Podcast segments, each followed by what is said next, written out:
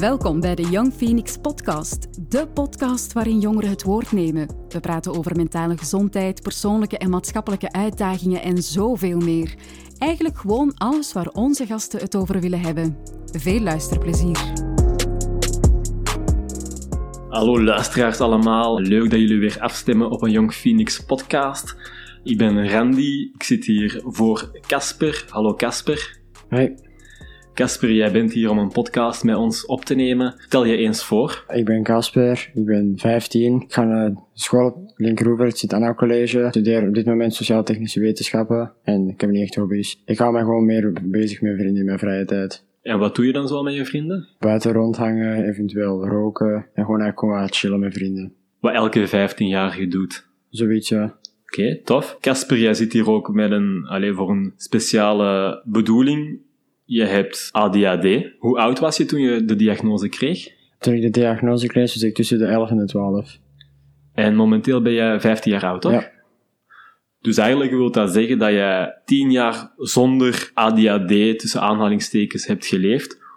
Hoe waren die jaren voor jou? Ah, in het begin viel dat op zich nogal mee, omdat wij, ik merkte in het begin nog niet dat iets aan de hand was. Maar zo meer naar het vijfde en zesde leerjaar, begon je zo, kreeg ik thuis ook veel problemen, thuisruzie, ik rende weg van school. Voelde voor mij of dat ik niet echt bij de groep hoorde. En ja, dat was, ik weet niet, ik vond het nogal moeilijk om ermee om te gaan. En ik heb dan thuis vaak ruzie gehad met mijn ouders en conflicten met mijn ouders, met mijn broer, mijn kleine zus, mijn grote zus. Dat was een beetje een hel. En eigenlijk hoor ik u zeggen dat de eerste jaren, zo opgroeien tot totdat je een jaar of tien werd, dat toen alles vrij goed ging. Ja. Allee, toen voelde dat zo, toen ik daar nog niet echt door, toen was ik zo ook nog jong en dan merkte op zich dat verschil nog niet. Dan moeten beginnen zo eigenlijk van alles te ontwikkelen, beginnen zo, begint je lichaam zeg maar echt te werken vanaf rond de tien, bij mij toch. En, en kunt je eens vertellen van hoe dat je je dan voelde op die moment, op die leeftijd? Op het ene moment voelde ik mij, ik voelde mij vooral vaak, ja, gewoon anders. Ik zou de andere mensen bijvoorbeeld vrij kalm waren en op focus waren tijdens de lessen dan op school. En ik voelde mij zeer afgeleid, te energiek om de lessen gewoon normaal te kunnen volgen. Ik kon gewoon niet stilzitten tijdens de lessen. eh en thuis, ja, dan was dat thuis. Ik had een andere mening als de rest. En ik voelde mij op die momenten er gewoon niet bij horen. En dat was voor mij vrij frustrerend. En dan werd ik druk en dan na een tijd ik steeds slechter en slechter te slapen. Gewoon puur omdat ik, ja, ik heb een slaapstoornis door de ADHD. Maar ja, dat wist ik op dat moment niet. Mhm. Ehm, ik hoor u hier twee dingen zeggen. Hè? Dat dat zowel thuis als op school wel voor wat eh, vrevel zorgde. Ik zal eerst komen naar eh, de school. Je werd snel afgeleid Ja. in de klas. En hoe reageerden andere leerlingen daarop of, of de leerkrachten? Maar de leerkrachten zagen vooral, de leerlingen maakten er niet echt vooruit met de meesten zo ook wel af en toe aan het praten waren met elkaar. Ik was eigenlijk iemand die constant dingen aan het tekenen was, aan het schrijven was, totaal niet met de les bezig was. Mhm. En werden leerkrachten dan kwaad of, of lieten die jou gewoon doen? Wat was hun reactie op jouw gedrag? Maar die lieten me aan de ene kant ook vooral doen, omdat ze zo zagen dat ik af en toe wel eens opkeek naar de les, dus ze dachten dat ik gewoon veel aan het noteren was volgens mij. Ze, ik had soms het gevoel dat zij niet echt zagen dat ik iets totaal met andere dingen bezig was. Oké, en, en wat deed dat dan met jou? Jij wist van, ik ben hier niet aan het opletten, ik moet eigenlijk opletten, en toch laat de leerkrachten jou zomaar doen. Maar ik vond dat een beetje raar, gewoon puur omdat ik wist van, ja, ik zit totaal niet aan het focussen. En ja, maar ik wist er ook op dat moment geen antwoord op, omdat ik zelf niet wist wat er eigenlijk aan, een beetje aan de hand was. Ik zei dat gewoon allemaal eigenlijk in het begin als dat ik gewoon anders was. En ik wist niet wat er aan de hand was, en dat was soms vrij frustrerend voor mij, en dat is gewoon, ja, spijtig. Voelden wij dan ook wat misbegrepen? Ik voel me eigenlijk gewoon echt buitengesloten omdat ik anders ben. Ik voel me eigenlijk gewoon precies een miskraam, zo te zeggen. Oké, dat is wel, dat is wel heel pijnlijk en heel schrijnend om dat van jezelf te denken als je 11, 10 jaar bent. Ik heb, eh, ik weet niet dat ik thuis een paar ruzie had. En vaak toen, toen ik klein was, vooral echt aan zelfmoord gedacht heb. Omdat ik het eigenlijk gewoon beu was. Ik was constant anders, ik kon nooit thuis een precies een normale situatie hebben. Ik had altijd thuis ruzie. Mhm. Dus ja, dat was vrij frustrerend. En eh, ik had vaak mijn simpel uit te leggen, mijn mes bijvoorbeeld op mijn ouders gestaan, maar ben nooit zelf gesneden. En kunt je mij eens meenemen in de luisteraar van hoe dat je komt tot die gedachte dat je dat probeert te doen? Ehm, ik was op school en ik weet dat nog, dat is voor mij een, ik had echt een kutdag. Ik werd, nou, ik werd, hoe ouder ik werd, hoe meer ik ruzie kreeg op school. En we deden op school musical. En een vriend van mij had een relatie met iemand. En mensen dachten dat ik daar probeerde tussen te komen, dat ik zo'n beetje de, oh, beginnen stoken. Maar dat was het voor mij totaal niet zo. En dan, ja, werd ik constant een beetje gepest, elkaar geslagen, soms. En heb ik uiteindelijk besloten, ben ik uiteindelijk in ons lab eraan, ben ik boven ergens in de klas gaan zitten en ik was het eigenlijk echt beu. Er waren dagen dat wij toen nog repeteerden, dus dat niet op de dagen dat wij de musical zelf hadden, maar het was rond die periode.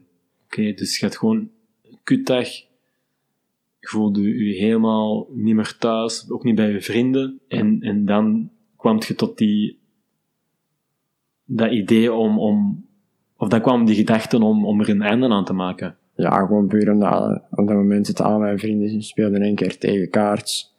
En dat, is gewoon, dat geeft dan gewoon een gevoel van, ja, kijk, dit, dit wil ik niet meer.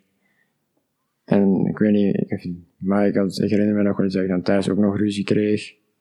Met mijn broer, met mijn broer of zus. Dat was dan voor mij echt de druppel. Mm en, wat heeft jou geholpen? Uiteindelijk zei, volgens mij rond het zesde leerjaar, uh, rond, rond de kerstmis, en mijn ouders dan gezegd van, ja, kijk, uh, Casper, hebben die mij naar boven geroepen en hebben wij zeg maar een gesprek gehad een beetje. En werd ik naar Hoge Beuken gestuurd. Dat is een soort internaat, ziekenhuisinternaat. Omdat er met, mij iets aan de hand was. Ik was volledig anders en ze hebben mij dan daar naar teruggestuurd. En ik ben toen in de zetel uitgebarsten in tranen. Omdat je zo niet verwacht had. Dat was zo in één keer. Maar ja, je wordt op internaat gestuurd. Mm dus je had ook niet zien aankomen dat jouw ouders die stap gingen, gingen zetten? Nee, maar ik, heb, ik ben er doorgeraakt. Ik heb met mijn ouders over gepraat. Ze hebben me afgezet. En ik heb gewoon, ik ben wel meegegaan omdat ik ook voelde dat er iets aan de hand was. En ik wou ook echt weten wat er aan de hand was. Dus ik heb mijn best, beste beentje ervoor gezet. Dus eigenlijk was dat een eerste moment misschien.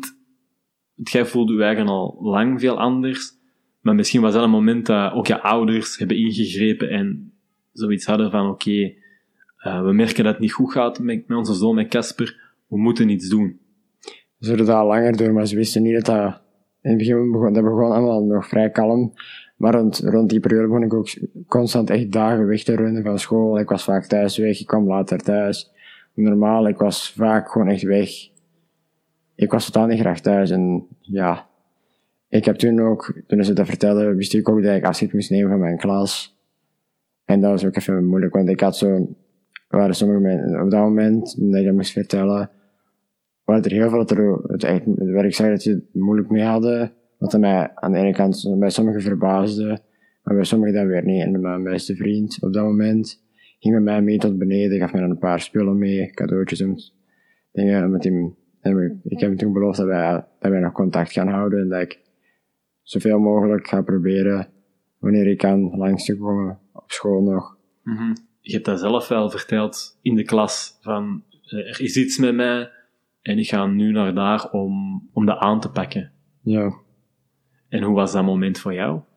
Ik vond het eigenlijk een, een echt een kut moment, omdat ik wist, ik ga er een beetje een soort van harten mee breken. Ik ga er mensen, dat, gaat men, dat gaan vrienden van mij vriendinnen van mij, want ik ging die broeder van veel met meisjes, omdat die zo veel een stuk aardiger waren. En ik wist dat wordt moeilijk voor mij, moeilijk voor hun. En je hebt dat toen ook niet het gevoel van mensen geven om mij? Ja, dat gaf een, aan de ene kant een goed gevoel, maar aan de andere kant ook een soort, bij sommigen een verbazend gevoel, omdat je zo niet direct verwacht dat na alles wat er gebeurd is op school. Ik is er wel wat van verteld van uw verhaal.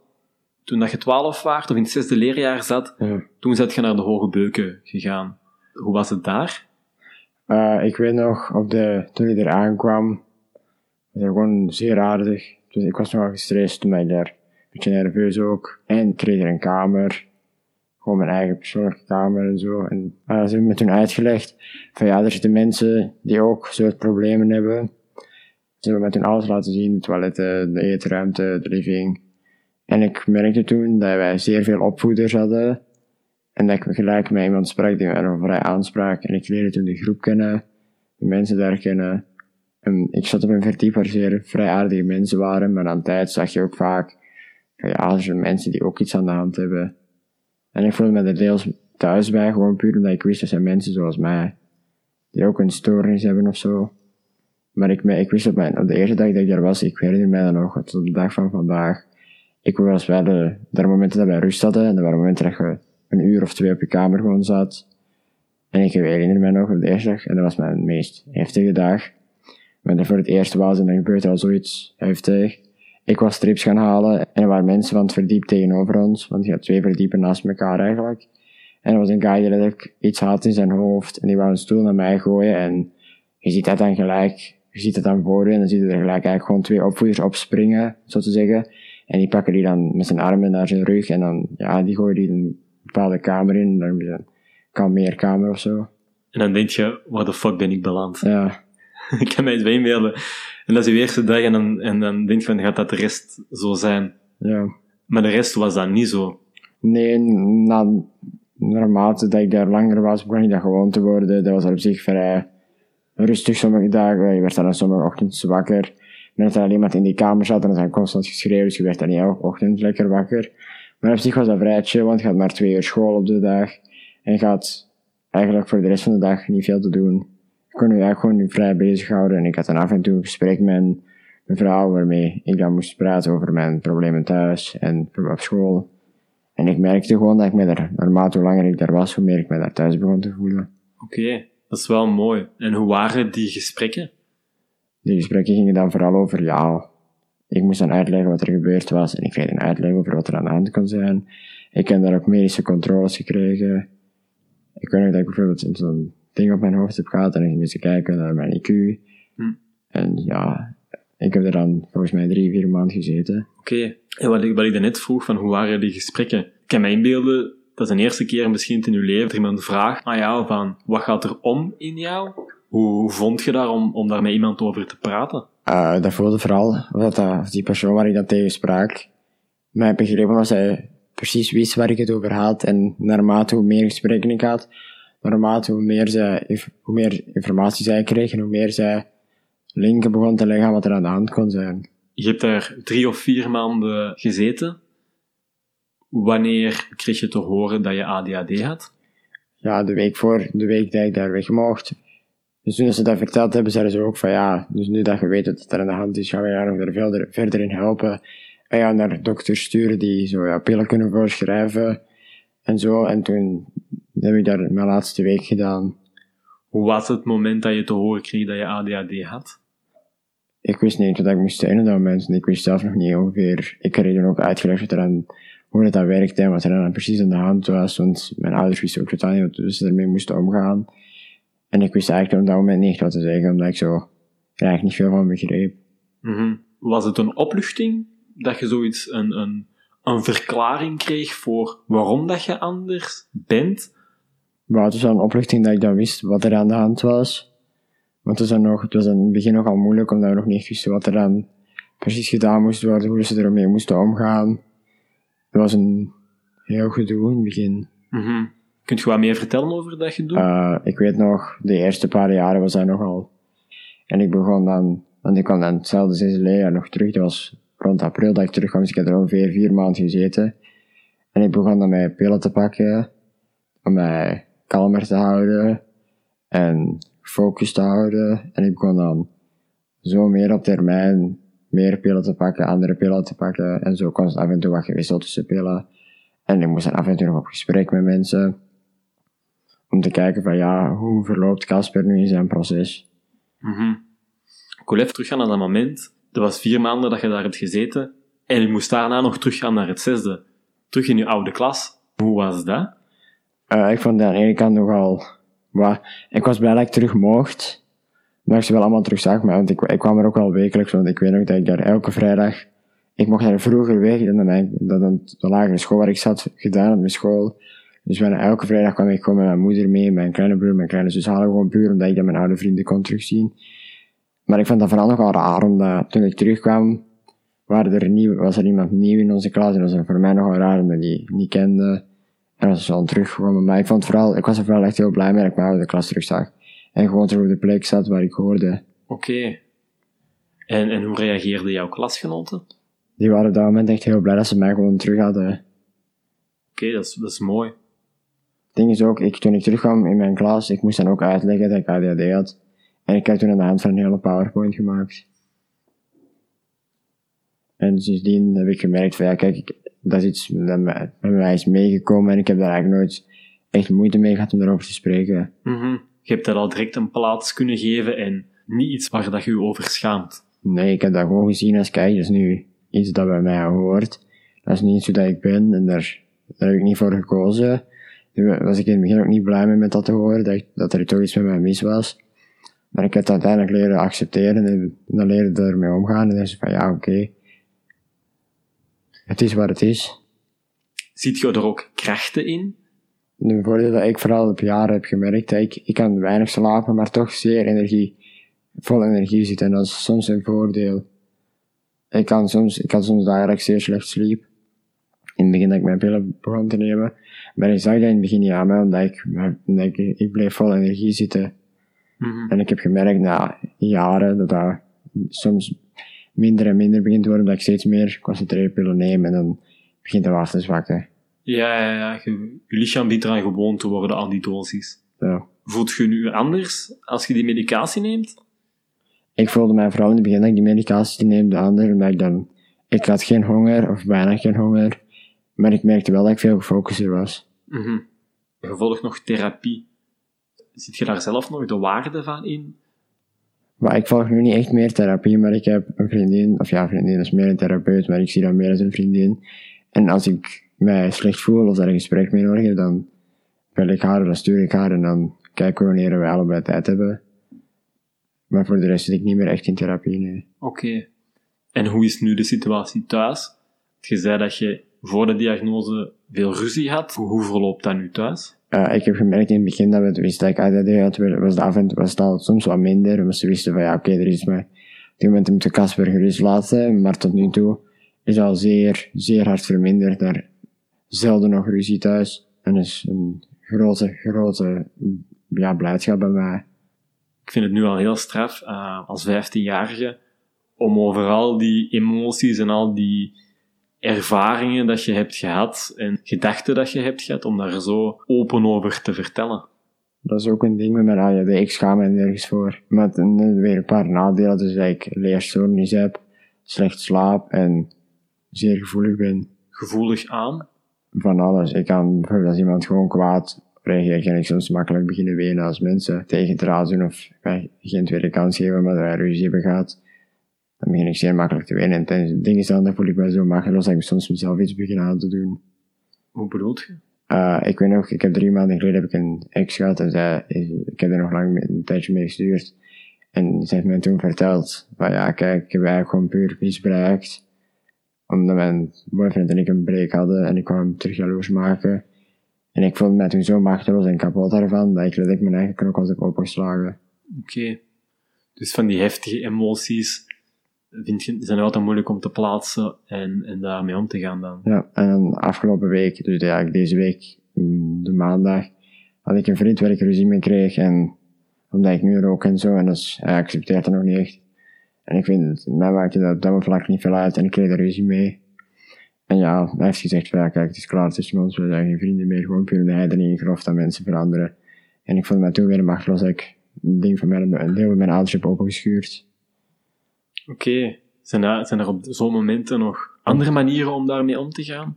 Ik heb eerst beseft dat ik op die momenten geen besef heb wat ik doe en dan achteraf zie ik dan en kijk naar mijn hand en zeg ik van ja, oké, dit is geen manier om dat op te lossen en ik heb nu geleerd van ja, kijk, dus het ding is, ik heb er met mensen over gepraat, met vrienden die Axel ook kennen en die hebben gewoon gezegd van ja, kijk, dat ligt aan Axel en niet aan jou. En ik heb, ik heb nu tegen mezelf gezegd van kijk, die dingen moet je gewoon loslaten. En dat is hetzelfde met roken. Met rook, ik rook nu uh, ongeveer drie, vier maanden en ik krijg er nog vaak kritiek op. Gisteren nog, en een vriend van mij die ook rookt, maar nog niet zo lang, die vraagt van ja, heb je nooit gedacht aan stoppen met roken, omdat je er kritiek op krijgt. En ik zeg, maar kijk, ik ga nooit stoppen met roken omdat ik die kritiek krijg. Als ik stop met roken is omdat ik dat zelf wil. En niet omdat ik die kritiek krijg. Ik voel heel hard bij jou dat het belangrijk is om, om zeg maar eigenaar te worden van je eigen keuzes. Je moet achter je eigen mening staan. En ja, je gaat daar soms mee in conflicten komen. En dat is hoe dat je zelf laat zien van, kijk, dit ben ik, dit is wie ik ben. Accepteer het of niet. Ik heb nog een laatste vraag. De laatste jaren komt heel vaak in de media van mensen plakken nogal redelijk snel het etiket ADHD op een kind of een jongere die lastig is, die onrustig is, die te veel energie heeft. Wat vind jij daarvan? Wat ik vind, dat kan bij sommige mensen dat ik ken, denken soms ook dat ze ADHD hebben. En ik denk gewoon dan, kijk, je kunt dat denken, maar je moet daar niet gelijk al een sticker op plakken. Je moet eigenlijk gewoon, dan, je kunt dan de keuze maken van, kijk, ik laat me testen, ik laat, ik spreek er met therapeut over. Maar voor, en totdat je die uitslag pas hebt, kunnen we zeggen van, ja, kijk, er is iets aan de hand, maar ik weet het niet wel, want ik heb mensen, ik ken zelf mensen dat denken als ADHD hebben. Ik heb gewoon gezegd van, ja, kijk, als je dat denkt, dan moet je laten testen. Maar je moet er dan niet direct een sticker op plakken en ervan uitgaan dat er iets aan de hand is. Mm En ook vooral kijken wie is die persoon. Niet wat is de diagnose, maar wie is die persoon in zijn, in al zijn facetten, in al zijn geuren en kleuren. Ja. Want het ding is ook soms, ik neem bijvoorbeeld dingen anders op, ik reageer anders op dingen en dan, dan zie je bij sommige mensen ook wel, maar het is niet veel mensen dat ik herken met hetzelfde probleem als mij. Dat voelt soms anders, maar aan de ene kant, ik voel me op de plek waar ik nu zit, met mijn ouders, mijn vrienden, op school. Ik voel me daar heel goed thuis, ook omdat de leerkrachten weten wat hij er mee aan de hand is. En elke keer als er dan weer iets erg gebeurt, of iets mis is met mij, goed, deze coronaperiode, ik hou mijn leerkracht constant op de hoogte, mijn ouders op de hoogte, vrienden op de hoogte. En er is eigenlijk nooit iemand die zegt, nee, ik sta, eigenlijk iedereen staat achter mij. Oké, dat is heel mooi om, om te horen dat je nu je echt thuis voelt op de plek waar dat je nu zit. Hoe kijk je naar de toekomst? Uh, ik kijk vooral naar de toekomst is iets van, ja, dat komt en dat is... Maar ik kijk er niet naar van, oh, misschien gebeurt dit in de toekomst. Ik zie dat zo meer van, ja, dat komt wel. Ik zie wel wat er komt. En als, dat erop, als het op me afkomt, dan neem ik dat aan. Dan zie ik wat ik ermee doe. Oké, okay, dus een beetje pluk de dag. Zoiets, ja. Oké, okay, super. Uh, merci Casper om tot hier te komen en uw verhaal te komen doen. Ook bedankt aan de luisteraars om jullie tijd vrij te maken. Ziezo, het zit er weer op. Wil je iets kwijt over deze aflevering of heb je zelf een onderwerp waarover je wilt komen vertellen? Laat het ons weten via onze sociale mediakanalen of via een berichtje.